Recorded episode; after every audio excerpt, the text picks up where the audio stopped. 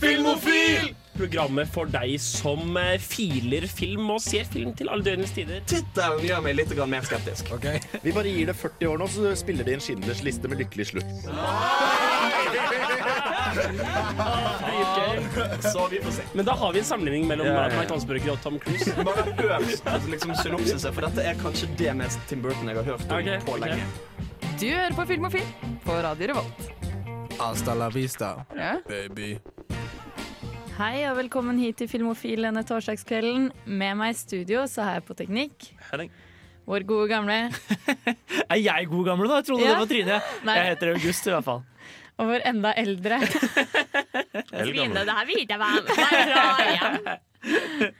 Mitt navn er Sunniva Langhoff, og vi har masse spennende foran oss på programmet i kveld. Vi skal nemlig snakke om western. Er det det vi skal snakke om? Moderne western. Moderne western. Wow! Mm. Men først så skal vi høre 'Better Make It Count' av Bisos.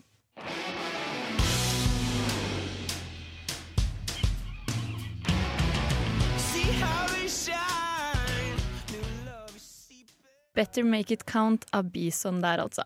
Vi skal snakke litt om hva vi har sett siden sist. Og Henning, du kan jo få lov å begynne i dag. Ja, jeg har sett uh, til uh, Augusts overraskelse og glede, syns jeg skjønte, Akira. Den japanske animasjonsfilmen fra 88 om uh, motorsykkelgjeng som møter på mystiske krefter i nye Tokyo. Motorsykkelgjeng møter mystiske krefter og masseødeleggelse og neonlys og god stemning. Yep. Eh, det er en av mine favorittfilmer Eller favorittanimasjonsfilmer, i hvert fall. Eh, jeg er veldig glad for at du ødela fått sett den. Men hva syntes du? Jeg syns det var veldig kul. Uh, den var, jeg synes plottet var litt sånn Det er ikke det, er ikke det, altså, det, er ikke jeg sett. Liksom. Altså, en ting, det estetiske. Den er jo Ja. utrolig fint. Rent estetisk. Og tenk på at han er så gammel. Det er utrolig mye arbeid de må ha lagt inn for å få den til å se sånn ut. Ja, altså, den er, Det var en av de første animene som begynte å bruke litt CGI, faktisk. Ja, Så den, den, eh, den har tendenser til det, men det er veldig lite. Den er nesten helt håndtegna. Mm. Den var- ble en kjempesuksess, men gikk allikevel i heidundrende underskudd fordi Ja, den var så dyr å lage. Ja. Og jeg vet ikke nei, den, eh, Det er rett og slett en, eh, en veldig, veldig, veldig imponerende film. Mm. Da tok de litt en risiko, da. Ja. De, de brukte så mye penger på en film så de ikke var sikre på å komme til å funke. Mm. Det er veldig kult. Det, det var også filmen som introduserte anime for et, eh, for et vestlig publikum. Oh, ja. Så det var liksom Det var der eh, Vestens kjærlighetsforhold til animen fikk sin spede begynnelse. Det er stilig. Men August, hva har du sett, da? Jeg har, eh, kommer på uke, uke nummer to og har sett på TV-serier. Nei! Ja, det- hva, hva i all verden er det som skjer, August? Nei, jeg, jeg, jeg veit ikke, ass. Veit ikke. Hvem er du, og hva har du gjort med August? Eh, nei, jeg har i hvert fall eh, kommet meg gjennom første sesong av True Detective. Oh. ah, hva syns du? Eh, det, var, det var bra. Jeg likte det.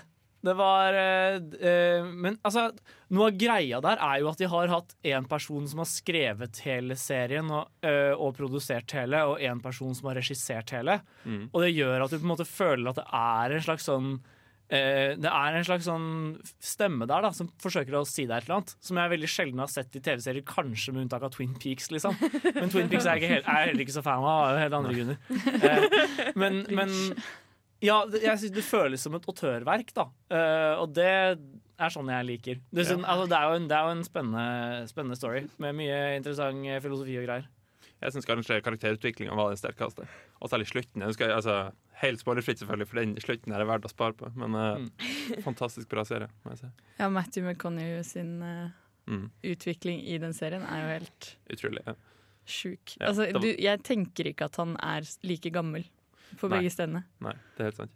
Det var, da, det var egentlig da jeg fikk respekt for Matthew McConney. Før Ja, jeg har også. jeg tenkt på han som en sånn romcom-dude. Liksom. Jeg har aldri tenkt at det var noe særlig ved han. på en måte Men så kom True Detective og Interstellar, og alt sånt. Det kom litt sånn samtidig for meg. Men jeg føler det som nesten har skjedd nå, er det motsatte. At det nesten har blitt litt sånn klisjé igjen. Ja, Sånn Matthew McConaughey som eh, med, i sin dype stemme filosoferer Ja. over livets Ja. store mysterier. Ja. Kan ikke gjøre en romcom igjen? Liksom? Ja? Har dere sett de her reklamene for hvilket bilselskap det er, for noe, men han har spilt inn noen utrolig teite bilreklamer. Hvor han er akkurat den tankefulle sitter i bilen. I drove a Lincoln, heter bilmerket. Lincoln before I was paid to drive a Lincoln. Så man, uh, oh, veldig, jeg, har aldri sett en pretensiøs bilreklame før, men Men bare søk det opp. Jeg må kjøpe sånn bil. Ja. Kjøp Men- en Lincoln. Han er nå mer sexy i sin eh, litt dark, mysterious eh, Ja kind of role enn i romcomen, da. Jeg liker han i hvert fall. Ja, jeg òg. Vi skal høre 'Got Me Feeling So Good' av Friendship. Sunny day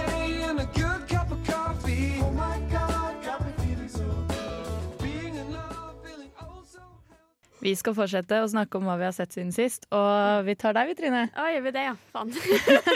Hva har jeg egentlig sett siden sist. Jo, det var noe jeg glemte å snakke om forrige uke. Fordi eh, 31. mars så kom sesong to av A Series of Unfortunate Events ut. Ja, stemmer det. Og jeg har sittet og sett alt av andre sesongen. Og Vet du hva, Den TV-serien der, den er så dårlig, men den er så bra. For liksom alle overspiller. Uansett hvem det er, så overspiller de. Så det er sånn, vet du hva, det her kan jeg faktisk se på, fordi alle gjør det så liksom lampshading, og liksom, det er så konsist gjort. Og så dukka Nathan Fillian opp, og så tror jeg bare bla, bla, bla, bla, bla. Fordi jeg har jo lest bøkene som liten. Ah. Og da jeg så filmen, den med Jim Carrey og Meryl Streep og sånn, Ja. så følte jeg liksom at det ble ikke teatralsk nok.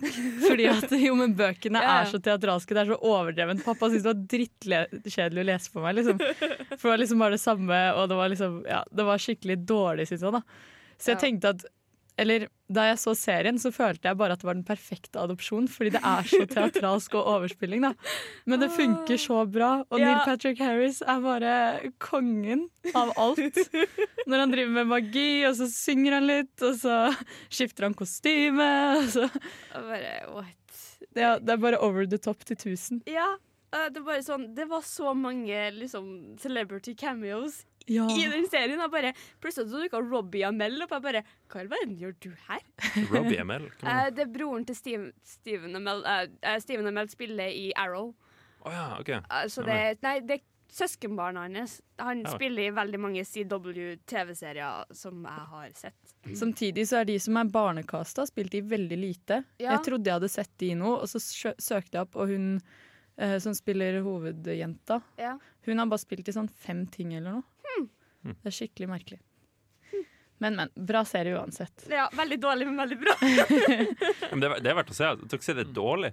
Ja, men det er liksom bare Det er så over the top, så du sitter der og bare Å, det gjør litt vondt, men det er litt Ja. godt allikevel. De hadde en hel scene som kun var basert på teksten 'Tell me what you want, what you really, really want'. Så replikkene var bare oh, sangtekster Ah. på refrenget. Men det funka så sykt bra. Jeg holdt på å dø. Det høres ut som noe du kan si i Family Guy, spør du meg. Det er, bare, ja, det er skikkelig Det er skikkelig funny. Ja. Det er skikkelig funny. Kanskje. Ja, mye bra. Ah, jeg elsker Nathan Fillion. Det er bare, han, eh, om dere har sett Dr. Horrible sing-along-blogg, Ja. så spiller han Captain Hammer. Ja. Og rollen hans i eh, sesong to er veldig lik Captain Hammer-rollen hans. Og det er bare It's amazing. Det er jo Neil Patrick Harris igjen. ja, jeg har sett den, jeg òg, da. Yeah. Jeg, har nemlig, jeg skal også gå på runde to, nei, uke to med noe et, litt sånn temaaktig. Mm. For jeg har drevet og sett meg opp på animasjonsfilmer jeg ikke har sett. Og nå har jeg sett Big Hero 6. Oh, ja, nemlig. Jeg så slutten på den en gang. Så ja. Ja, hva syns du, Henning? Jeg, jeg, eh, den var veldig rørende. Ja. Eh, Hadde du sett resten av filmen, tror jeg? Noen kompiser med satt så den, så gikk jeg forbi. Ja. Jeg, jeg, jeg, burde jo egentlig like den filmen veldig godt. Den handler jo om en gjeng med ingeniører, egentlig. Det, det er jo det de er. Um, men jeg syns ikke helt Eller jeg syns den var så sånn eh, Handlingsforløpet føltes utrolig tilfeldig. Det var litt sånn Ja, oi, nå skjedde det noe her. Og så eh, måtte de, skulle de plutselig til et annet sted i byen, og da skjedde det brått noe der. Og så Ja. var det liksom ikke noe sånn Du følte aldri at det var en helhetlig historie på et vis. Det ble bare sånn tilfeldige scener eh, med tilfeldige ting, og så til slutt så var det en sånn showdown. Så, ja, det er jo bare de første ti minuttene, så jeg føler ikke at det er en spoiler. Nei. Men når eh, broren hans døde, da, i løpet av de første ti minuttene, ja, så var det veldig sånn derre Jeg hadde akkurat liksom fått inn over meg at OK, foreldrene var døde før filmen, og innsett på en måte hvem hun som jeg trodde var moren, at hun egentlig var tanta og sånn. Og det var veldig sånn mye relasjoner akkurat der. Og jeg klarte liksom ikke å henge med nok til at jeg skjønte at de prøvde å få meg til å føle noe i deres søskenforhold, og liksom Åh. sånn, men det gikk så fort, og så plutselig så var det bare sånn poff. Ja, Se for deg hvis det dødsfallet hadde skjedd halvveis ut i filmen Ja, ja. i stedet for Oh. når Det man hadde etablert så et ordentlig forhold til han. Er er ikke det litt som hunden i John Wick? da? Det blir etablert det blir etablert liksom at det var en gave fra kona som døde veldig nylig, og så dør hunden. Altså, I tillegg at det er en hund, liksom. Det var litt trist. Lettere å få relasjoner til en hund da, med et annet menneske. De bare bjeffer. Ja, så er det også noe med at eh, eksposisjonen i John Wick er supereffektiv. Det er sånn Ja. derre Dette er kona, hun er død av kreft. Dette er hunden, hun er død. Vi er i gang. Ja. Mens i Big Hero 6 så er det sånn Nei, vi er inne med tanta og broren mens faren er, med foreldrene er døde, og eh, disse går han i klasse med, og dette er professoren. Ja. John Wick er jo jevnt over en ganske mye mer effektiv film, ser du. enn Big Hero 6. Ja, Det så inn, ja. var det kanskje noe med at den var litt hypa òg. Ja. Vi skal videre. Vi skal gjøre Nokia 105 av tøffel.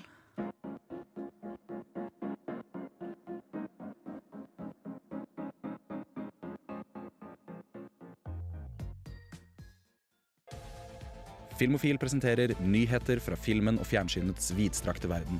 Nå over til nyhetskorrespondent Henning Sjøli. God dag og velkommen tilbake til eh, Henningen Nytt. Neida, neida.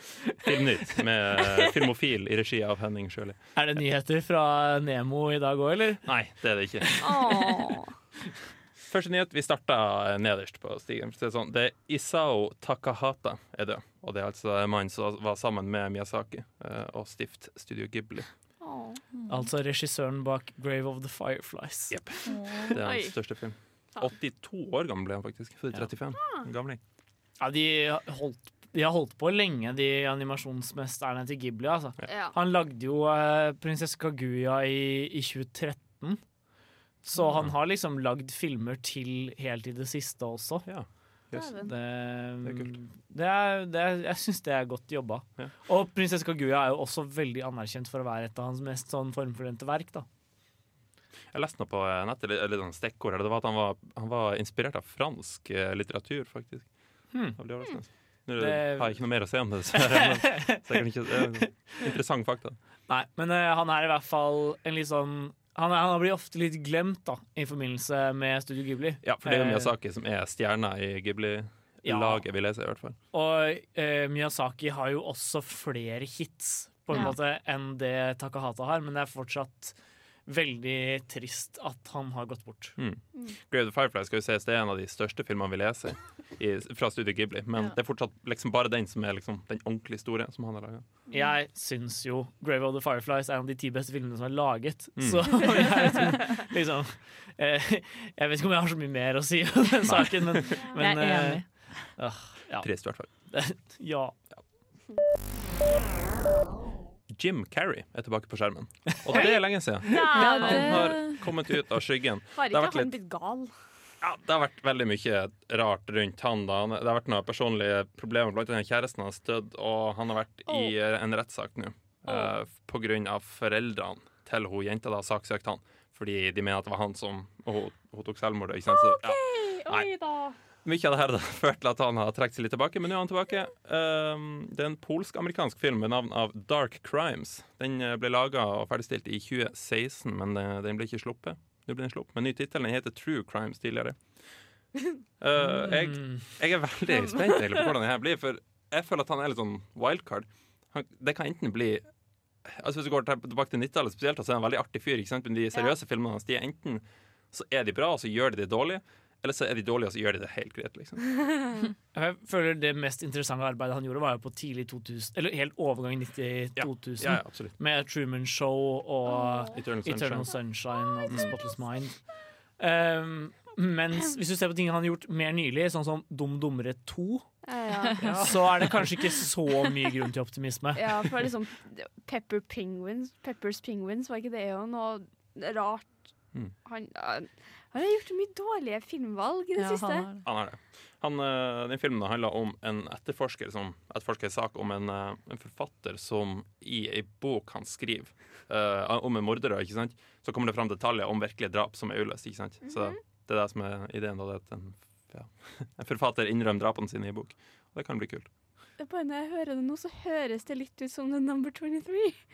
Å ja. Og jeg får litt sånn Ja, ikke den andre filmen her. Jo, Jo, og den var dårlig. den er veldig dårlig. Ja, stemmer det. Jeg har hørt om.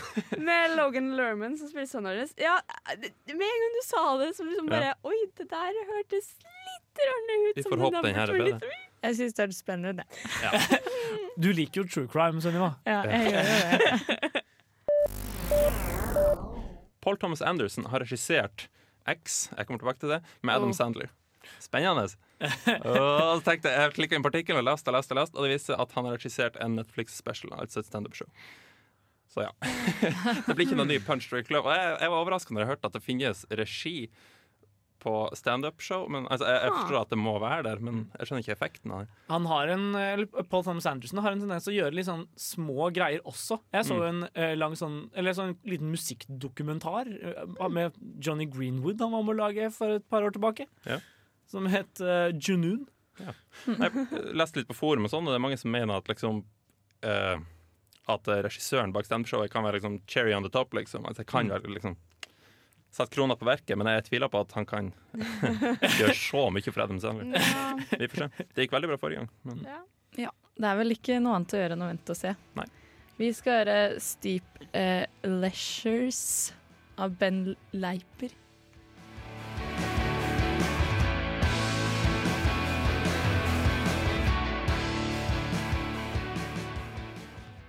Hei, mitt navn er Atle Antonsen. Du lytter til Filmofil på radio Revolt, og det gjør du helt til programmet er ferdig. Ja, Henning, du har mer eh, nyheter på lur. det har jeg. Uh, vi starta med TJ Miller Å nei. fra uh, ja, hva han Ja. spiller, hva heter det? Silicon Valley. Det er kanskje der jeg har Ja, mest han er kjennskap til i. Deadpool. Deadpool. Ja, stemmer. Det er mange som ser at han uh, har dedikert livet sitt til å uh, Ja, livet i en nedgående Nedadgående, mener jeg, spiral. Fordi han uh, ble anklaga for seksuelt overgrep i denne metoo-tornadoen, hvis vi kan kalle det det. Eh, så spilte han i Emoji-filmen, hadde hovedrollen der. Ja. Tre tomler opp fra meg. Eh, men nå er han altså arrestert for eh, en bombetrussel. ja. Han ringte inn til politiet og sa på toget på vei inn i Connecticut er det en bombe. Eh, I mars eller noe sånt. Så for en måned siden. Han ble arrestert på flyplassen i Connecticut, tror jeg. Et eller annet sted. Uh, han har kjøpt seg ut nå, da. Men uh, han skal i rettssak om en stund. Og dersom han blir dømt, er minimumsstraffa for dette fem år i fengsel. Men altså, ikke nok med at det var en bombetrussel, det var en fake bombetrussel, og han satt jo ikke engang på toget som Nei. han ringte inn om. Niks. Fordi Nei. han var full og trodde tydeligvis dette var morsomt. Eller, altså, Ah, så- ja. ja, eller de mener han var i beruset tilstand. Da. Om det var eh, narkotika eller alkohol, det kan man jo spørre seg selv om, men eh, det er det som er greia, i hvert fall. Det er i hvert fall en dårlig spøk. så Ja, veldig. Tulleringing eller sånn fylleringing gone wrong. Ja, når jeg, når jeg skal eh, spøke med noen, så pleier jeg å prøve å unngå spøker som har strafferamme på minimum fem år. Ja. Og så er det noe med at, uh, å prøve å unngå å si bombe på offentlig transport. Det er også kanskje liksom en idé. Et par ord burde du unngå. Ja. Ja. Anthrax og bombe. jeg. Er Uskreven regel. Jeg tror faktisk de har skrevet det. Da kom det en trailer til Solo, A Star Wars Story. ja. Og, Yolo! og det er helt sjokkerende hvor lite folk bryr seg. faktisk Jeg så en grav som viser, hvor som viser hvor mange som har sett eh, de forskjellige nye Star Wars-filmene eh, de første 24 timer trailerne har kommet ut. Og Solo er det er helt Altså, det ligger helt, helt helt på bunn. Det er faktisk flere, færre, færre mener jeg, som har sett traileren, enn de som så teaseren. Og det sier jo litt hvor lite folk bryr seg om filmen. De Ja. så teaseren og nei, nei takk. Men det er jo ikke noe rart da når liksom Neida. Phil Lord og Chris Miller blir sparka, og det liksom, Mm. de tar inn en annen regissør, og det er reshoots og sånn. Og jeg glemte jo alt det der, og jeg så traileren, og jeg satt der og bare Da kom Jeg du ble- tilbake. Er det positivt eller Jeg ble så gira! Og jeg vet ja. ikke hvorfor jeg ble så gira. Jeg bare Å, herregud, det her er Star Wars. OK, OK. Å, ah, ah, ah. Det var bare kaos. Jeg skjønner ikke hvorfor jeg blir gira over, over en film jeg vet mest sannsynligvis ikke kommer til å bli bra. Ja. Men eh, jeg, jeg føler jo også at kanskje den har blitt litt stemoderlig behandlet av, eh, av Disney. da Altså Ja. Den har jo ikke blitt like hardt markedsført som det ja. meste andre de har laget. Og det kan jo også tyde på at de ikke har sånn kjempetro på filmen. Jeg har også vært litt der som Trine var, at jeg liksom hadde litt sånn Jeg har egentlig glemt helt at den skulle komme, og så så jeg et par sånn Det var bare et par sekunder, det var ikke hele traileren engang, men jeg ble litt sånn Jeg gleder meg til å se Donald Glover. Det blir kult, Ja. som Lando. Jeg så, det var en kommentar på et forum jeg var på, uh, en som sa at det hadde mye, vært mye kulere å se uh, en Lando-film, faktisk. Og det, den, uh, det tror jeg på. Fordi Han Solo, litt greia hans var at han var sånn mystisk. Og litt sånne, Ja. Han, han levde i skyggen, liksom, og så havna han plutselig i en svær konflikt. Og så ble han en helt. Ikke sant? Mens Lando, der var det på en måte skrevet i plottet av den filmen hvor han var med, at uh, de allerede hadde hatt et forhold. ikke sant? Mm. det, jeg jeg, jeg syns bare det er mye mer potensial der. da. Mm. Og vi kommer jo kanskje tilbake til uh, Hans Solo og hans, uh, mystis, hans mystikk uh, senere i den sendingen. Ja, det. For en tease. Apropos det her, Lucasfilm de skanna ansiktene til alle skuespillerne sine. Okay. For senere referanse, som de ser selv. Men hæ?! De vil ikke ende opp i en sånn Carrie Fisher-situasjon igjen? det er Er det det som er greia? liksom? Ja. Alle skjønner vel implikasjonene av det her. Så, så de skanner det for å kunne lage I tilfelle de neste triologi, hvis de skal lage episode hva 9 til 12, eller hva det blir, altså et eller annet Tolv, uh. Hvis de trenger en gammel karakter, ikke sant? så slipper de å liksom lage ned karakteren. De kan bare bruke gamle skanner av den personen. Og det gir for så vidt mening, men det er noe litt sånn Det er noe litt umenneskelig makabert over det. Ja, det er det. Du, det, er du, har jo ikke helt rettighet på din egen kropp lenger, da. Nei, det, det er litt det jeg føler Ja. Jeg føler at Lucasfilm, det er, det er ikke overraskende at akkurat Lucasfilm gjør det. De, de har gjort så mye rart ellers. Ja. Skeptisk. Ja. Dwayne Johnson la ut en post på Instagram. Han annonserer Jumanji 2. Oi. Det, altså, jeg har ikke sett Jumanji 1 ennå, men uh, du likte den veldig godt, tror du ikke det, August? Nei, det var Thomas som gjorde det. Det var Thomas. Eh, jeg bare liker The Rock veldig godt. Ja. Hvem gjør ikke? Ja, jeg var litt gira på Jumanji, egentlig. Ja. Jeg syns det så artig ut. Ja. Vi eh, skal videre i sendingen, og etter 'Turn My Brain Off Death by Gun Unga Bunga' så skal vi snakke mer om western.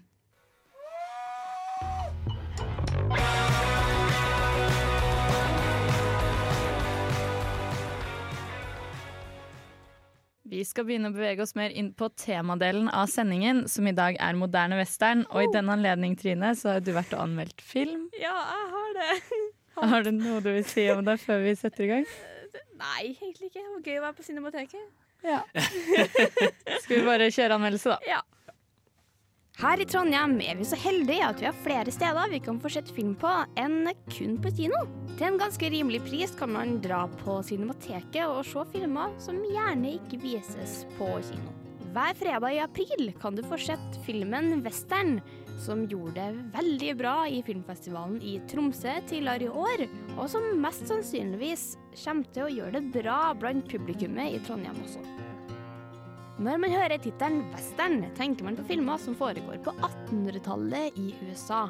Men det er ikke det du kan forvente med denne filmen. Vi følger en gruppe med tyske bygningsarbeidere som skal bygge et vannkraftverk i en landsby i Bulgaria. Vi får se hvordan de her mennene brytes opp i grupper, og alle kjemper for å få innbyggerne i landsbyen på deres side.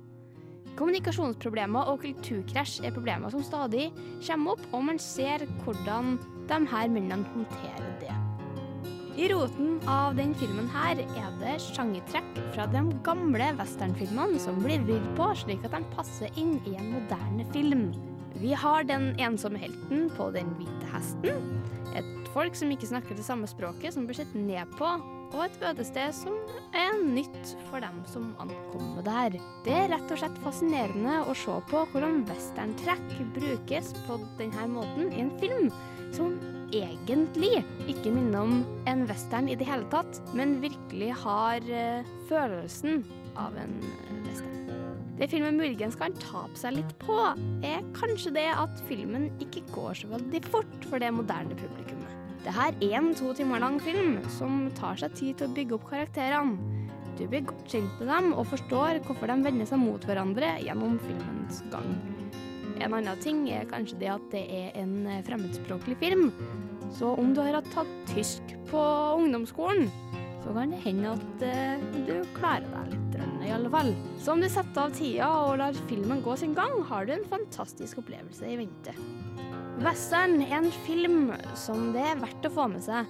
Om ikke bare for å se på sjangerbruken eller de gode karakterene som er i den. Så ta deg en fredag på Cinemateket i april, da. Så du kommer mest sannsynligvis til å ha en ganske fin filmkveld. Ja. jeg skjønte ikke helt Hvorfor skal de snu seg mot hverandre? Uh, ah, det er som Maskulinitet. Ok. Det er liksom de, Det var bra forklaring. Jeg prøvde prøvd så mange ganger å si det under anmeldelsen, men jeg klarte ikke å si det. Så jeg bare Nei, vet du hva? Det ordet, det er ikke med. Jeg sleit litt med anmeldelsen i dag. OK, jeg har litt mye som foregår. Men eh, maskulinitet er jo også en veldig et veldig sånn typisk eh, motiv i westernfilmen Ja. da. Så det gir jo litt mening at det skal være med, om ikke annet. Kvinnen er mer sånn bartender ja, faktisk. Ja, er Eller liksom, veldig koselig nybyggerkone. Ja. ja, og alle mennene har jo lyst til å ligge med samme dame. Eller hot indianer, da. Ja, det er- er en hot bulgarisk dame. Så det er litt sånn Hei. Som kan jo følge spor i skogen og sånn. Ja. Tenker du Night at the altså. Museum? Jeg tenker på kant, altså. Ja. Ja, Nei, hun det, det er jo en stereotype, da. Hun kan oversette da fra liksom bulgarisk til tysk og til Ja. tysk til bulgarisk. Så Ja. det er litt sånn Vel. Men uh, vet du hva som er grunnen til at den heter western? Nei, det har jeg faktisk ikke peiling på. Har du noen gode gjetninger? Um, det føles ut som en western, så hei, hva skal på western. Nei, jeg vet, jeg vet ikke. Jeg, jeg tipper en filmregissør vet hva sjangertrekkene til en western er. At det er nok ingen Det er nok ikke noe Ja. glipp, liksom. at Nei, det er nok ikke trekk. tilfeldig. Men vi, vi skal jo snakke om mange filmer i kveld som har sjangertrekkene til en western, men det er jo ingen av de som har blitt kalt western. Nei. Det, Nei, Det er sant. det er veldig sant. Eh, Det er som Det er, det, er jo, det er jo litt som å lage en film og kalle, Eller en science fiction-film og kalle den sci-fi. Det, det, det, er en litt, det er en litt merkelig ting å gjøre. Ja. Noir. Eller eh, filmen Romcom. Det har jeg sett. Den vil jeg se. Nei, men det som er litt gøy, er at det er en kvinnelig regissør Ah, ja. som har lagd filmen. Så det var litt sånn Det var gøy å se på hvordan hun portretter- ah, portretterte menn. Og liksom hvordan de prater med hverandre. Og liksom hvordan maskulinitet kommer i veien. Ja, det var, det var det siste jeg forventa, egentlig. Jeg gikk sterkt ut fra at det var en mann som har regissert det. Ja. Siden det var altså, western. Jeg tenker at ei dame kan gå på en sånn tittel. Ja.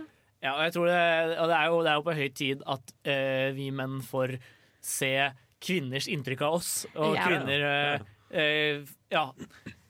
Siden kvinner på en måte har måttet leve med vårt inntrykk av dem i alle år, så er det kanskje, kanskje på tide å ha et lite rollebytte der.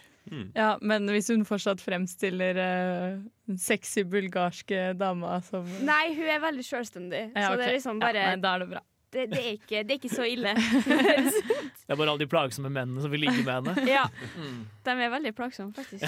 De var veldig plagsomme. Mm. Nei, men det er litt sånn Filmen var veldig bra, men det tar litt tid å komme seg inn i og liksom sette seg inn i karakterene og sånn. Tar Mm. litt tid. Er det litt sånn festivalfilm over det?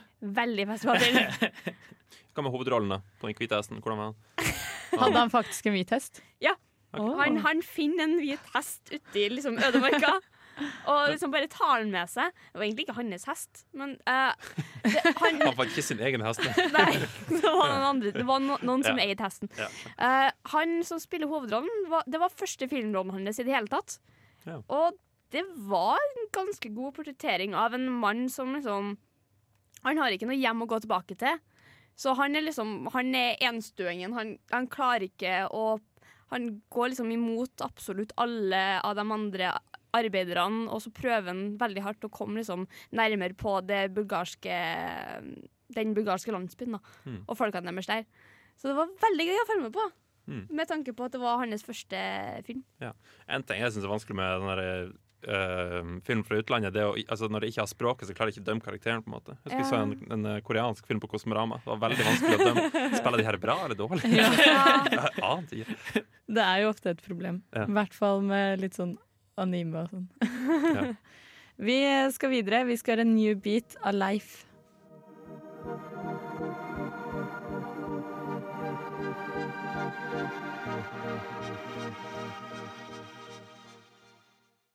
Nå skal vi for alvor bevege oss inn på temadelen for sendingen, som jo er moderne western. Og western er jo et uttrykk veldig mange forbinder med sånn spagetti-western eller gammel uh, film. da. Så når vi sier moderne, så må vi kanskje definere det litt mer. Ja, og Vi var veldig usikre, usikre på hvilket begrep vi skulle bruke her. Ja. Uh, vi endte vel opp med moderne western, men vi har funnet, funnet ut at neo-western kanskje er et vel så bra begrep. Det vi i hvert fall har lyst til å snakke om denne sendingen, er filmer som ikke utspiller seg i det tidsrommet som assosieres med westernfilmen. Altså, det, det, det, vi skal ikke snakke så mye om filmer som foregår på slutten av 1800-tallet i USA. Det vi vil snakke om, er an, filmer fra andre, i andre settinger som tar til seg sjangertrekkene fra den, ja, fra den filmen, den filmsjangeren. Da. Ja. For westernfilmer var jo en kjempedominerende sjanger i, i eh, store deler av Hollywoods historie. Mm. Sånn, eh, ja, det var, det var en filmsjanger som oppsto allerede på sånn 10-20-tallet. Ja. The Great Train Robbery 1903 regnes jo liksom som den første Ja, det er, westernfilmen. det er jo basically det. Jeg vil, jeg, vil kalle, jeg vil mer si at det er en heist-film, men det er, det, er noe, det, er, det er en annen sak. Det henger jo litt sammen. vet. Det henger Ja. sammen. Ja. Eh, men, eh, men i hvert fall det er, en, det er på en måte en filmsjanger som er nesten like gammel som, som filmens historie. Mm. Og sånn på 40-50-tallet så var det liksom den sjangeren Hollywood tjente penger på. Ja. Og det handler jo om at den tar opp en del spennende ting. For det første så ble det jo på en måte en slags sånn uh, myter for en ny nasjon. Mm. Uh, det blir en slags sånn form for mytebygging for det amerikanske folket om hvordan, om hvordan uh, nasjonen deres blir til. Da. Nesten en slags sånn opphavsmyter. og i tillegg så snakker den jo i den anledning veldig om på en måte det med det moderne, sivilisasjon mot villmark, som vi har vært inne på allerede. Snakket om maskulinitet. Og dette er jo Ja. ting andre har lyst til å snakke om også. I helt andre sjangere. Ja. Så det er jo ikke rart at western på en måte har blitt med oss videre, da, på tross av at den klassiske western kanskje ikke er like populær lenger. Så jeg liksom kutta bort eh, cowboyhatten og skinnvesten og hvite hesten, da. Ja. Og de hjulene bak på hælen på Nei da, det kan komme tilbake. ja. Men det, men det er jo faktisk ganske mange verk fra helt andre settinger som også bruker disse, disse stilgrepene, da. Ja. Ja, det er det.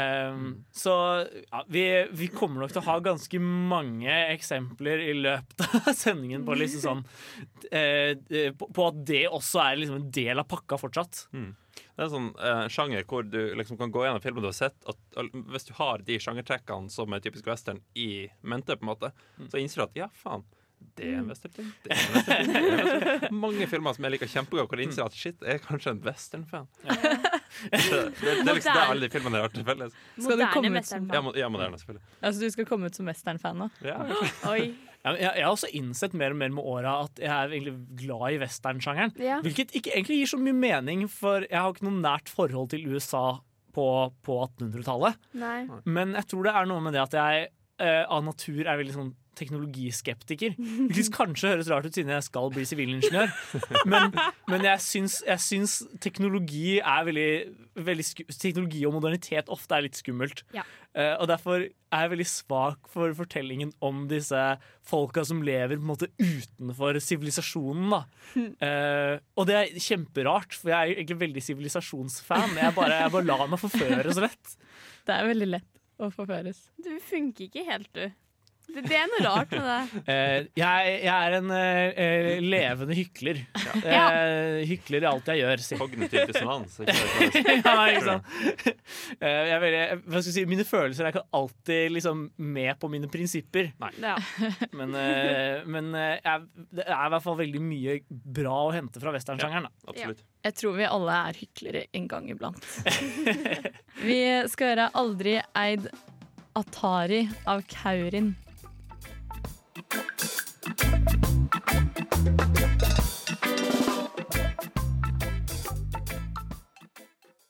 Der hørte vi 'Keep Your Dollars'. Ja, Dollars. dollars. Ja, dollars. ja. Navnet forsvant. Ja. Jeg, jeg, kan- vi kan finne ut hvem det var for noe. Av Amanda Delara. Å ja. Ja. ja.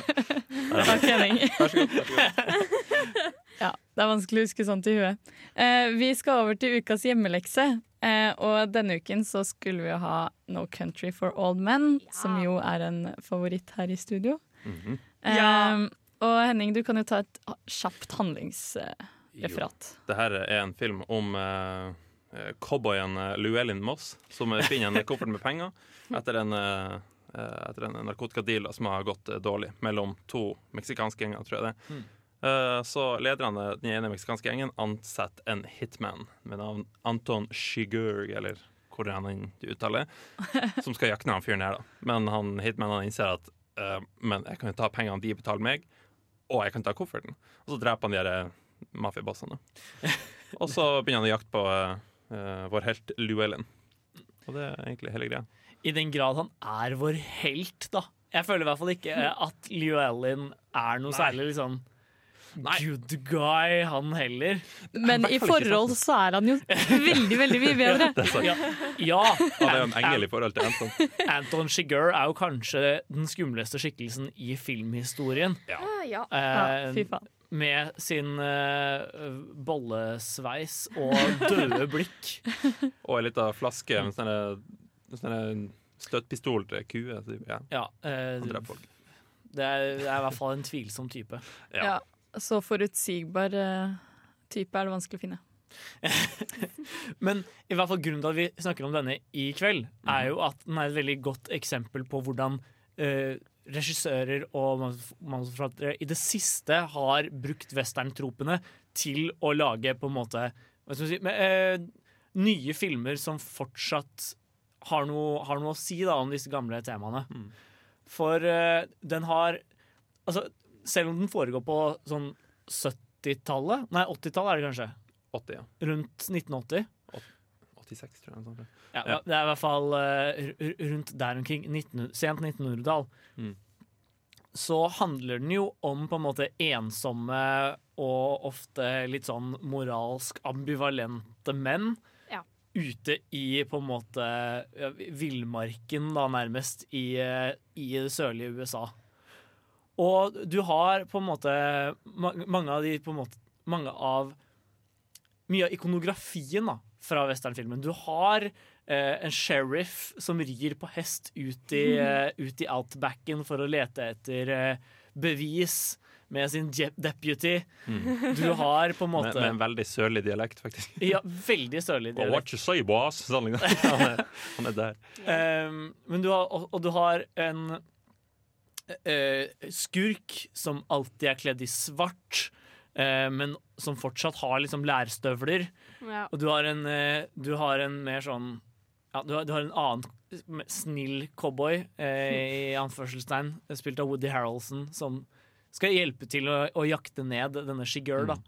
Eh, som uh, alltid går i med hvit cowboyhatt og hvit eh, outfit, og, som markør på at han er snill. Mm. Ikke sant? Du, har, du har en god del av disse markørene, uh, samtidig som tematikken er litt vridd. Ja, jeg, vil si at tematikken i det her, det ligger jo i tittelen og Country for Old Men. Det følger også sheriffen Tommy Lee Ja, han nevnte. Unnskyld. Mm. Um, eh, at liksom verden blir mer og mer brutal, og han kjenner ikke igjen verden lenger. Så han klarer Mm. liksom ikke å gjøre jobben sin lenger, fordi volden springer fra ham. på en måte. Ja. Han klarer ikke å holde følge, rett og slett. Og det var kanskje ikke et tema som var typisk i western.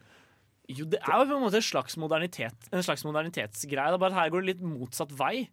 Vi går fra et samfunn som har vært litt sivilisert, Ja. men så blir det mer og mer brutalt. Ja. Men samtidig, storymessig, da, så er det jo en som har stjålet noe, og så er det noen som vil ha tak i han. Jeg føler i hvert fall det er sånn som jeg forbinder veldig med western. da. Mm. Eh, banditten og Eller, ja. Ja. Og sheriffen-type, da. Ja, en, en liten ting til om temaet. Det var det der med at jeg, jeg, ser for, altså, jeg har ikke sett mye western, men jeg ser for meg at temaet der ofte er en litt sånn likegyldighet til vold. på en måte jeg ser ofte for, altså, En typisk ting jeg ser i westernfilmer, det er den shootouten i, utenfor saloonen. ikke sant? Og folk som ser ut av vinduet, og ja, det var han som vant. Ja, ja, og Så står de og pusser glass, liksom. Og så, Det greit. og så fortsetter de, liksom. Men det er jo ikke i det hele tatt temaet i filmen her. Nei. Det er mye Eh, mer moderne verden. Ja, og, og dette er jo en Cohen-film også, mer Ja. enn noe annet. Den bærer jo veldig preg av at det er de som skal vise oss universets meningsløshet også. Mm. Ja. Eh, og det er jo ikke typisk western. Nei, det er det det er jo I det ikke det. Vi eh, skal videre. Vi skal høre 'Mommy Sinking' av Teddy and the Love Gang.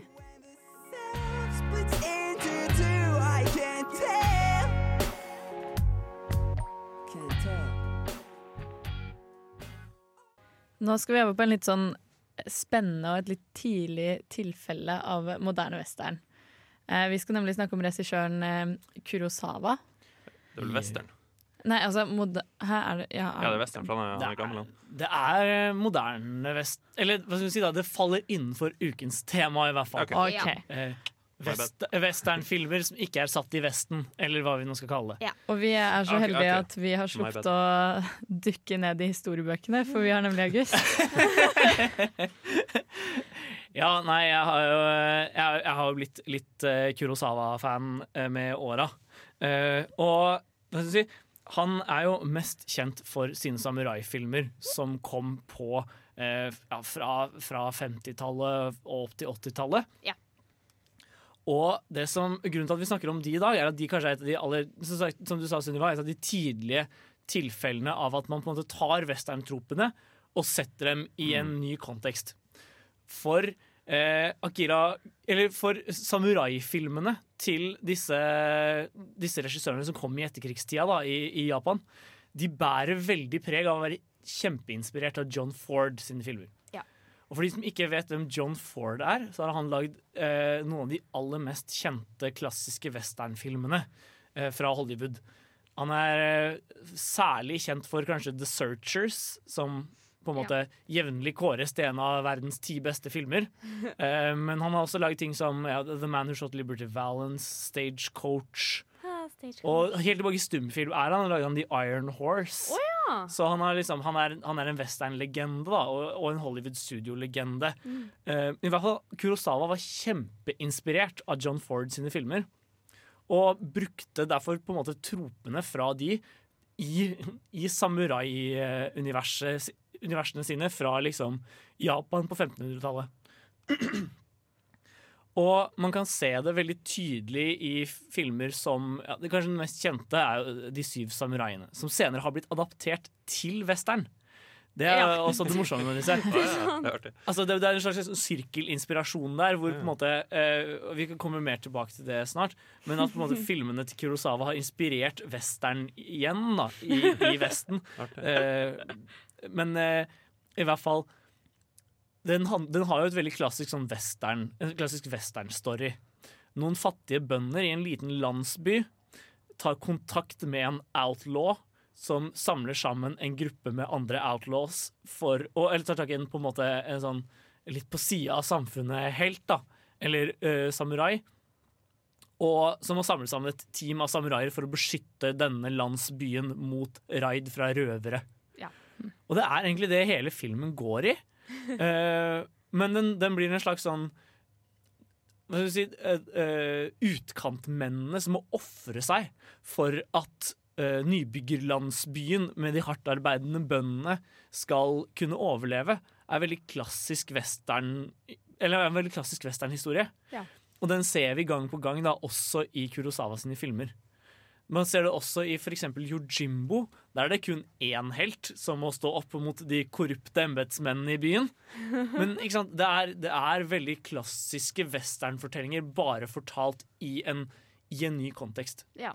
Og som sagt så ble de veldig viktige inspirasjonskilder for mange andre vestlige filmskapere. Sergio Leone, for eksempel, som lagde The Good, The Band, The Ugly. Yes. Og Once Upon a Time in the West. Spagettivestern. Spagettivestern-kongen. Han eh, hadde Kurosawa sine samuraifilmer som på en måte hovedinspirasjonskilde. Ja. Så ja, det er, i hvert fall- det er eh, Samuraifilmene var en viktig på en måte første, første rip-off av westernsjangeren. Ja, for det blir jo litt sånn Japans, Japans svar på det, med liksom at de tar det tilbake i tid.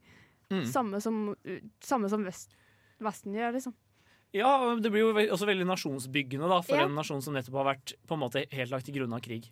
Og så er det jo hyggelig at vi alle kan inspirere hverandre, da. Ja! Vi skal snakke mer om sci-fi, men først så skal vi høre Svømmebasseng med feberfantasier, etterfulgt av Hailey med Youth. Føles som jeg sitter fast, som en isbjørn på et flak. Det var Hailey med Youth, og vi skal snakke videre om western, ikke sci-fi, som jeg sa før sangen. Eh, Men vi skal snakke om sci-fi western. Så det gir litt mening allikevel. Ja, og Et naturlig sted å starte der er jo med mannen vi snakket om før låta, nemlig Akira Kurosawa. Ja. For han har eh, Han lagde en film som het Hidden Fortress, en samuraifilm. Og som sagt var det en del vestlige filmskapere som lot seg inspirere Hem. av Kurosawa. Inspirere er vel litt Ta det lett på det. Som, som valgte å lage en remake i verdensrommet. Der, ja. Og det ble av en eller annen merkelig grunn tidenes mest sette film. Vi snakker om Star Wars. Star Wars. Stavars! For eh, når man ser på det hvis man, hvis man på en måte vender et kritisk blikk mot Star Wars, så er det veldig lett å se at den har ganske mange westerntroper som Ja. rett og slett har arvet fra, fra Hidden Fortress. Det trenger jo ikke være så kritisk, det, da. Vi har jo lært at western er mer enn vi tror. Ja, nei, når jeg men, sa kritisk, mente jeg som filmkritiker. Å, ja, okay. men, oh, Jo mer jeg hører om, om Star Wars, jo mindre stemmer det med det. Jeg trodde, jeg trodde det var en sånn sci-fi-action, men det er jo alt annet enn sci-fi. Det er- Det er en western, det er en action, sci-fi-opera, eller hva det er for noe. Det er så mange Space rare. Space Space opera. er. Science fantasy. Science fantasy, ja. Det er aldri bare Veldig mange labels. science fiction, action. Nei, niks. Nei, eh, kåra faktisk eh, Star Wars til tidenes beste western. Oh. Hvilket jeg er ganske uenig i eh, på, mange, på mange plan. Men, men den har helt klart veldig mange westerntroper som er verdt å trekke fram. Ja. Eh, Han Solo, for eksempel, som sånn der reluctant eh, outlaw-helt. Ja. Veldig klassisk. Men også bare, eh, altså en del av landskapene. Ja. Altså Hvis du tenker for deg uh, Tatooine Tatooine, er Tatooine er veldig western. Veldig westerninspirert. Og også Luke som stirrer mot solnedgangen. med et slags sånn Ja, ja. ønske om å dra ut på eventyr. Uh, han er jo fra en sånn sett eller fra, fra en nybyggerfamilie Ja. og som ønsker å komme seg ut eh, og utforske verden. Og så rotes han borti et, en konspirasjon, ikke sant. Ja, for hvis du bytter ut et par ord i linjen der liksom Jeg er lei av å Hva er det de driver og har, har gård for? Det er vann, er ikke det? Vapor Farm tror jeg de jobber på. ikke sant? Hvis du erstatter det med Jeg er lei av å, av å gi et kue, liksom. Så hadde det vært western. liksom Og tatt bort ei av solen i horisonten, for det er vel to soler. Og den blå melka, da, kanskje. Ja, og den blå melka. Ja. Og altså, Han Solo ser jo faktisk ut som en westernkarakter. ja, han kommer jo rett ut fra en westernfilm, basically, med den der fine, fine vesten hans og hvite skjorta. Og, mm, ja. Og et westerntema vi ikke har nevnt så mye til nå, er jo det der med borgerkrigen som er over. Ja. Med på en måte sørstatshelten som kjempet for frihet eh, mot et undertrykkende regime. Eh, eh, er problematisk fremstilling i seg selv, men det kan vi ta en annen dag. Uh, men i hvert fall uh, som nå har dratt til the frontier for å liksom eh, finne noe annet å, For å finne mening et annet sted. Eh, og det ser man også veldig tydelig eh, Og det ser man litt av i Star Wars, men man ser mye mer av det i f.eks. Firefly. Ja! Okay. Firefly er jo rett og slett en, en space western. Altså, de har tatt eh, en western og satt den i verdensrommet med litt romskip og sånn. Ja. Eh, og det handler jo om på en måte captain Malcolm Reynolds, sjef for et, et romskip som var på den tapende siden. The, the Red Jackets, eller hva Brown coats. Brown coats er det de kaller det. coats. ja, ikke sant. Ja. Eh, som, som slåss mot et eh, på en måte undertrykkende regime som ville at alle skulle, bli, alle skulle være like. Ja. Uh, som fremstilles som på en måte sivilisasjonens lange arm som gradvis tar over uh, utkantstrøkene, da, ikke sant. Eh, det, er, det er til og med en episode hvor de frakter kuer fra en planet til en annen. ja, det er sant! Shit. Ja, det er altså western i veldig mye mer enn det vi tror det er. Ja. Kan man jo si. Vi skal høre sjansespill av Softcore Un United. United. United. Etterfulgt av en liten pause.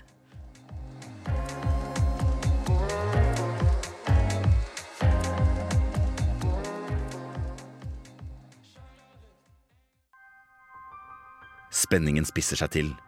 Nå som vinteren nærmer seg, hvem har egentlig drept Laura Palmer? Hvem er den mystiske doktoren? Kommer William til å svare? Hva vil skje? Ukas TV-serie. Det er vel ikke noen overraskelse at ukas TV-serie er Westworld. Nei. Er. Eh, nå er det jo ikke så veldig lenge til det kommer ny sesong, og det passer jo derfor veldig bra å ta den opp nå. Ja. Dobbelt aktuell, rett og slett. Veldig dobbeltaktuell. Jeg tror det, det er elleve dager til den kommer, faktisk. Ja, 23. kommer den på HBO. Kommer i slutten av april, ja. Den Så kan man jo diskutere om det er en tilfeldighet at vi snakker om western. Men Det, det var i hvert fall ikke en vanskelig pitch. Nei, det var jo ikke det. Det var ingen andre forslag til hvordan serie vi skulle snakke om i dag. det sånn. Det er vel ikke så mange andre å ta av. Firefly hos Tark. Firefly! Ja, Og Cowboy Bebop. Jeg vil slå et slag for den. Men, uh, ja. Men ja, Firefly, nei, Fireflies er Westworld, kanskje? Ja. Jeg kan fortelle litt om den. Det er, eh, de, det, de aller fleste har, eh, har vel hørt om den, men det er altså i uh, i uspesifisert framtid så finnes det en fornøyelsespark hvor du kan kjøpe en billett til 40 000 dollar. Eh, og da kan du være der i ei ubestemt, uh, eh, ubestemt tid. Da. Du kan vel kjøpe ulike billetter. Ja, det vil jeg tro. Du kan være en dag eller en uke eller whatever. Poenget er at du kommer til den fornøyelsesparken, og der er det roboter. Som er akkurat som mennesker. De er nesten, nesten helt umulige å skjelle fra vanlige mennesker. Eh, og du får pistoler hvis du vil gjøre det. Gå rundt og skyte folk og sånn og leve cowboylivet ikke sant? uten noen konsekvenser. Fordi det er ikke mennesker. Ikke sant? Du kan ikke bli skada sjøl. Mm. Så det her eh, får ut det verste i folk, da. Ikke sant? Og så ulmer det i mosen om at, eller i sanda, da, om at det er en liten konspirasjon. Ikke sant? Og de som styrer det her, hva er det egentlig de driver med? Det er en mystisk mann i svart hatt og svarte klær som ikke har noe navn. Han heter The Man in Black. Og hvor mye- driver- Ja, nei, ja, nei, ja, han prøver å løse opp i et mysterium han mener er i den her parken. Da, ikke sant? Og det, det er litt sånn artig at det, det tar veldig mange, veldig mange som westerntrekk, men det er jo en westernpark. Så det er Ja. egentlig ikke så rart. Det, det er veldig likt den westernfilm, men det er sci-fi samtidig. Det er veldig kult. Og så er det veldig fint, for det er veldig kontrastfylt mellom de delene som på en måte foregår inn på kontorene, der de styrer hele parken. For der er det utrolig moderne. Ja. Eh, med, I veldig stor kontrast til parken, hvor alt er western. Mm. Så det er veldig sånn stilig produksjonsdesign inn i bildet også. Ja, veldig. Og det, det denne, denne serien gjør, er jo på en måte å ta hele western-ikonografien. Altså alt du assosierer med den klassiske westernfilmen, er der. Rett og slett fordi det skal være en western-forlystelsespark som skal på en måte vekke alle western-assosiasjonene hos de besøkende. da. Så du har saloons, du har uh, cowboyhatter, du har uh, skinnstøvler, kuer, gønnere, alt mulig. Ja, ikke sant? Ja, men sant, det er nettopp det at de, de sånn, altså Alle westerntrekkene er i grunnen veldig tydelige, men det er egentlig bare spill for galleriet på en måte før de er besøkende i parken. Men fortsatt så har du sjangertrekk i karakterene som er på sida av det spillet. Altså det de som er selve serien, på en måte. Mm. Du har den der outlawen, ikke sant, den der Man in Black. Mange, Ja, og- ja. Og nå har ikke jeg fullført eh, sesong én. da. Eh, I god stil så ser jeg sju episoder av noe, og så legger jeg det fra meg. Er det ikke bare åtte episoder? Ja, hvordan er det du klarte det med Westworld? Det, det er en ganske lang serie. Det, må Det jeg var, eh, det var, Det var det, det var lett. Eh, men eh, i, i hvert fall Jeg føler også noe av det nett, I nettopp de kontrastene du nevnte da, Sunniva, eh, mellom på en måte det veldig sånn simple eh, ute i parken og det veldig høyteknologiske inne i kontrollrommene, så snakker de litt om det moderne òg, da, og sivilisasjon, på et vis.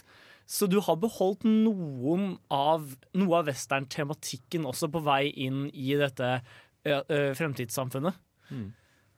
Samtidig som på en måte kontrollrommene, selv om det er en egen sivilisasjon, så er jo det på en måte også litt sperret av fra omverdenen.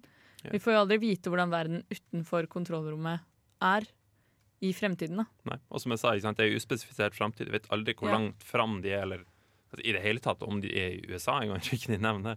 Men det, det eneste du får vite, det er sånne små kommentarer. Sånn som Anthony Hopkins, karakteren hans, han sier en eller annen gang eh, I dag kan vi holde sjøl de sykeste av oss i live så lenge vi vil. ikke sant? Vi er Mm, nesten udødelige. Bla, bla. Sånn. sånn. Du får vel sånne små smuler liksom, om hva som egentlig er verden på utsida. Du kan finne ut når ish det er. Det er en, en YouTube-kanal som jeg følger som heter New Rockstars. okay. Og de har lagd opp liksom timelinen for når liksom den første parken åpna, og, og når det massedrapet var, og liksom Ja. bare lede opp til da liksom når parken var Ja, okay.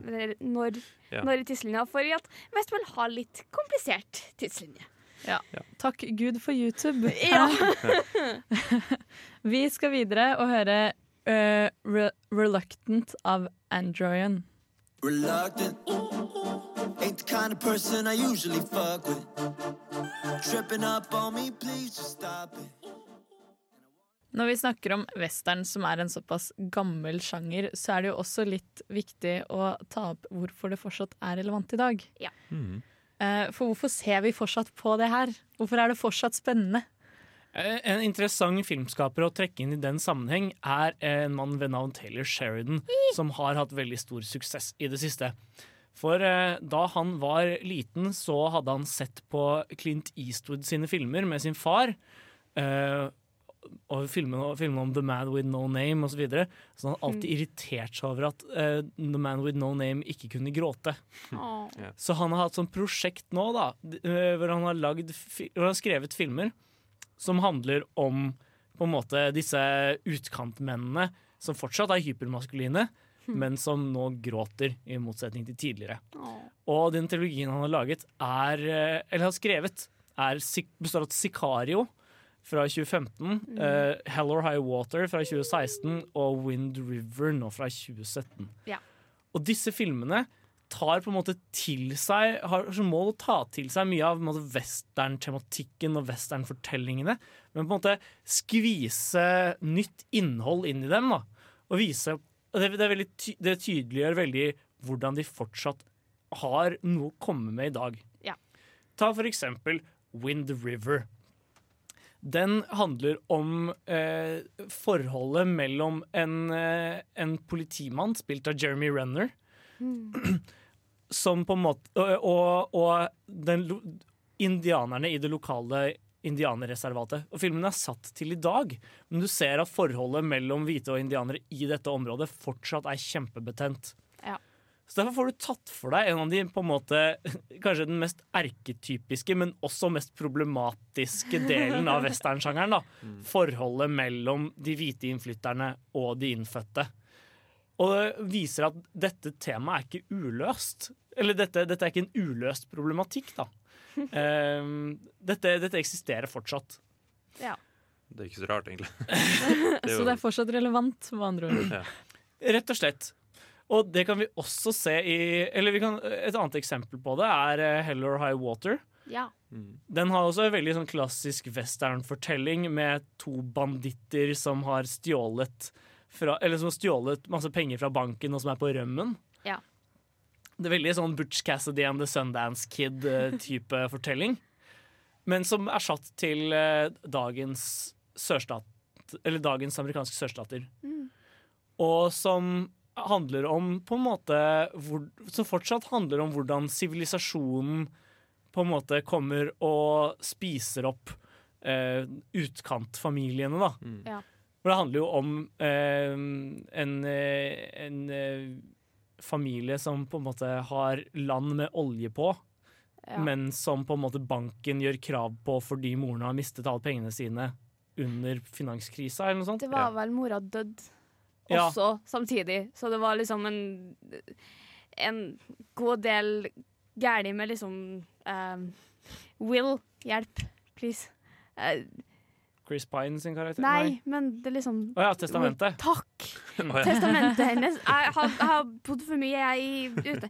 Nei, men det er liksom, det var problemer med det, da, så de bestemmer seg for liksom, Vent litt. Da tar vi bare og raner bankene i stedet for, og så får vi en måte å betale banken tilbake på. Mm. For å beholde landet vårt. Da.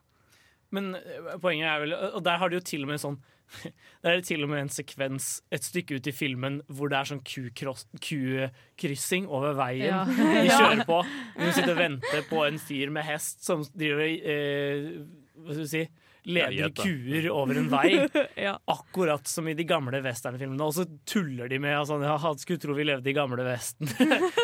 Men det er veldig tydelig at det er westernfilmen som er opphavet, og at tematikken derfra fortsatt på en måte gjør seg relevant i forbindelse med finanskrisa. da. Ja. Der har du jo også en sheriff og hans liksom eh, deputy som går etter dem, da. Mm. Så det, det er jo en del som er med. Og så har du nok en gang det der samspillet mellom helt og, og uh, outlaw, da. Eller mellom, mellom lovens arm og, og de som lever, lever på andre siden av loven, og hvordan de egentlig er like. Ikke sant? Ja. Det, som også er en sånn klassisk, klassisk western-greie. Mm. Sicario er kanskje den av de tre jeg på en måte forbinder minst med western. Ja, samme. Du har nok et poeng der. Den, eh, altså, det handler jo også mye om at de har en kvinne i hovedrollen. Ja, jeg tenkte på det. Men hvis du ser på de mannlige karakterene, så har de en god del westerntrekk på et vis. Det er jo en hevnfortelling. Hvis du ser på det fra Benicio del Toro sin karakter sitt ståsted, så er Sicario også en hevnfortelling om en mann som skal eh, få revansj over de som drepte datteren hans. Så du, du, har, du har helt klart på en måte westerninspirasjon også i den. da En ting som skremmer det bort ifra at det er western, på en måte, det tror jeg at det handler om amerikanere og meksikanere. Og ikke, for det er det ikke så mye av i western. Det er, det er noe, selvfølgelig, men det er ikke Mm. det som er erketypisk. på en måte. Fortsatt to folk mot hverandre, da. Jo, Ja. jo da, selvfølgelig. Alle tre burde ses, i hvert fall. Det er bra filmer, alle sammen. Ja. Vi skal høre 'Waking Up' av eh, Magdalena Bay.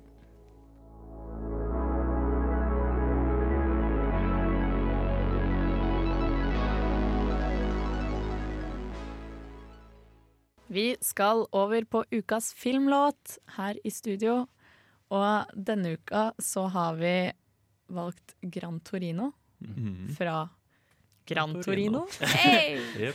Nei, var det den filmen det var fra?! Å, ja. Now I get it. Nei, men i hvert fall Grunnen til at vi har lyst til å snakke om den, er jo Clint Eastwood. Ja. For er det én mann som på en måte står igjen som symbolet på westernfilmer? Ja, eh, kanskje med konkurranse fra John Wayne, men i hvert fall eh, Clint Eastwood er jo på en måte, i hvert fall for, for vår generasjon, da, og for eh, de tre generasjonene før, eh, den erketypiske westernskuespilleren. Og det er morsomt å se på hvordan han i sin overgang til å bli regissør eh, på en måte beholdt en god del av westernstilen og western, eller westernfortellingene på tross av at han beveget seg over i andre sjangre. Mm. For altså, hans første film, eh, eller for, hans første liksom, virkelig store, kjente film, var jo 'Unforgiven' tidlig på 90-tallet. Som jo er liksom eh, streit, revisjonistisk western. Liksom ordentlig, ordentlig bra western, Mm. det må sies. Eh, men så ser man hvordan han liksom innen midten av 2000-tallet hadde endt om å lage en helt annen type film. Eh, eksempel i Gran Torino, da. Men at han allikevel har beholdt veldig mye av på en måte det klassiske westernnettet.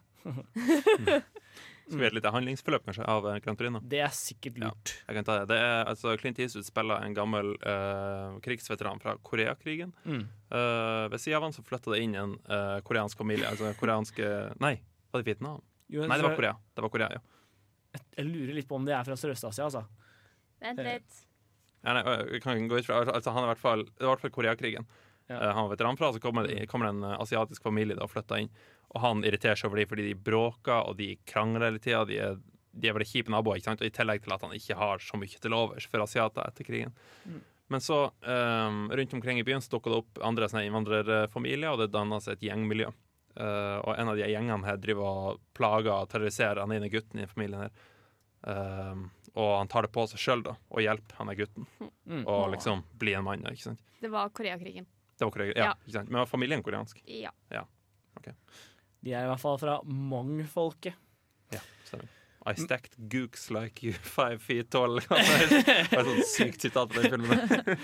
ja, men eh, altså, det, det, som er, det som er western over Gran Torino, er jo den nok en gang på en måte sånn hardbarka, ensom mann som må stå opp for de svake og ta loven i Mm. egne hender. Um, Han sitter til og med på perrongen sin liksom, og drikker kaffen sin og skuler bort på naboen. Nei, drittfolk. Altså, Veldig. Clint Eastwood er jo beryktet for å ha litt sånn ymse meninger, hvilket er naturlig Mm. om at han er over 80 år gammel. Ja. Men jeg syns det er så fint å se på en måte han lage en film om hvordan, hvordan en person kan komme over sin egen fremmedfrykt. Da. Det, er kanskje, det er kanskje litt nesten paradoksalt, eller litt hyklersk av han å gjøre det, men det er veldig vakkert.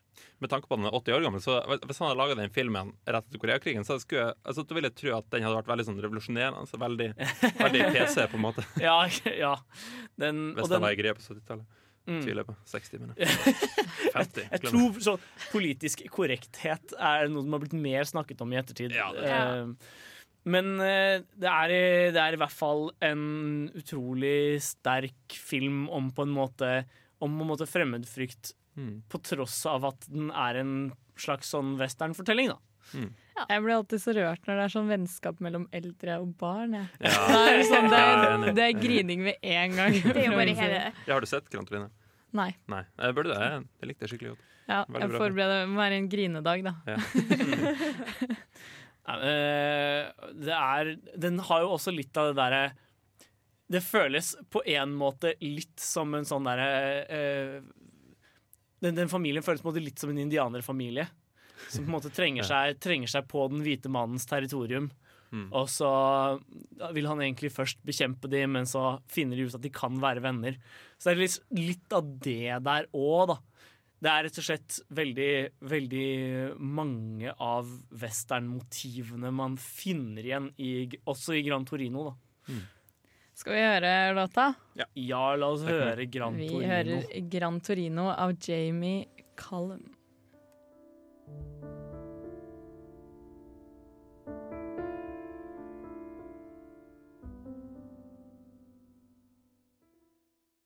Vi har dessverre kommet til slutten av sendinga for denne gang. Wah, wah. Og western, som er så bra sjanger, da. Nei, det, nei, sorry, jeg bare ler av western. Ny western. Altså, Om man ikke har blitt eh, glad i western i dag, når vi har snakket om så mye kule filmer, så kan man jo se Star Wars på nytt. Og tenke seg litt om. Det er i hvert fall jævlig mye bra å ta fra ny western. Ja, det er Herregud, faktisk bra det. Mm. Neste uke så skal vi ha et veldig morsomt tema. Ja! Vi skal nemlig snakke om Steven Spielberg.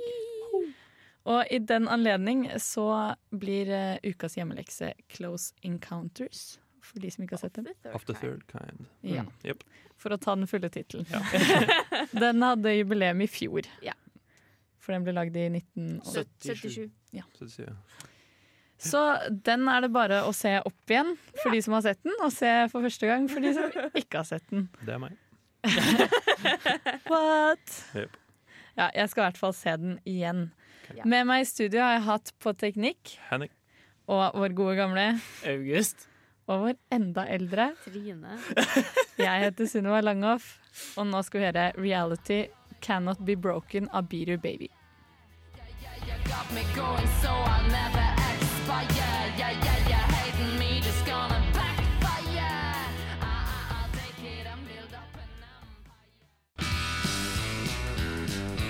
Du lyttet nettopp til en podkast fra Radio Revolt. For å høre flere av våre podkaster, gå inn på radiorevolt.no.